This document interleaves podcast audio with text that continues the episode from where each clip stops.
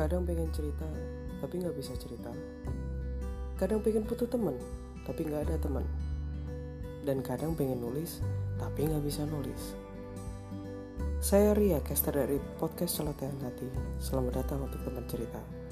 Silakan cerita dulu, barangkali nanti nyaman.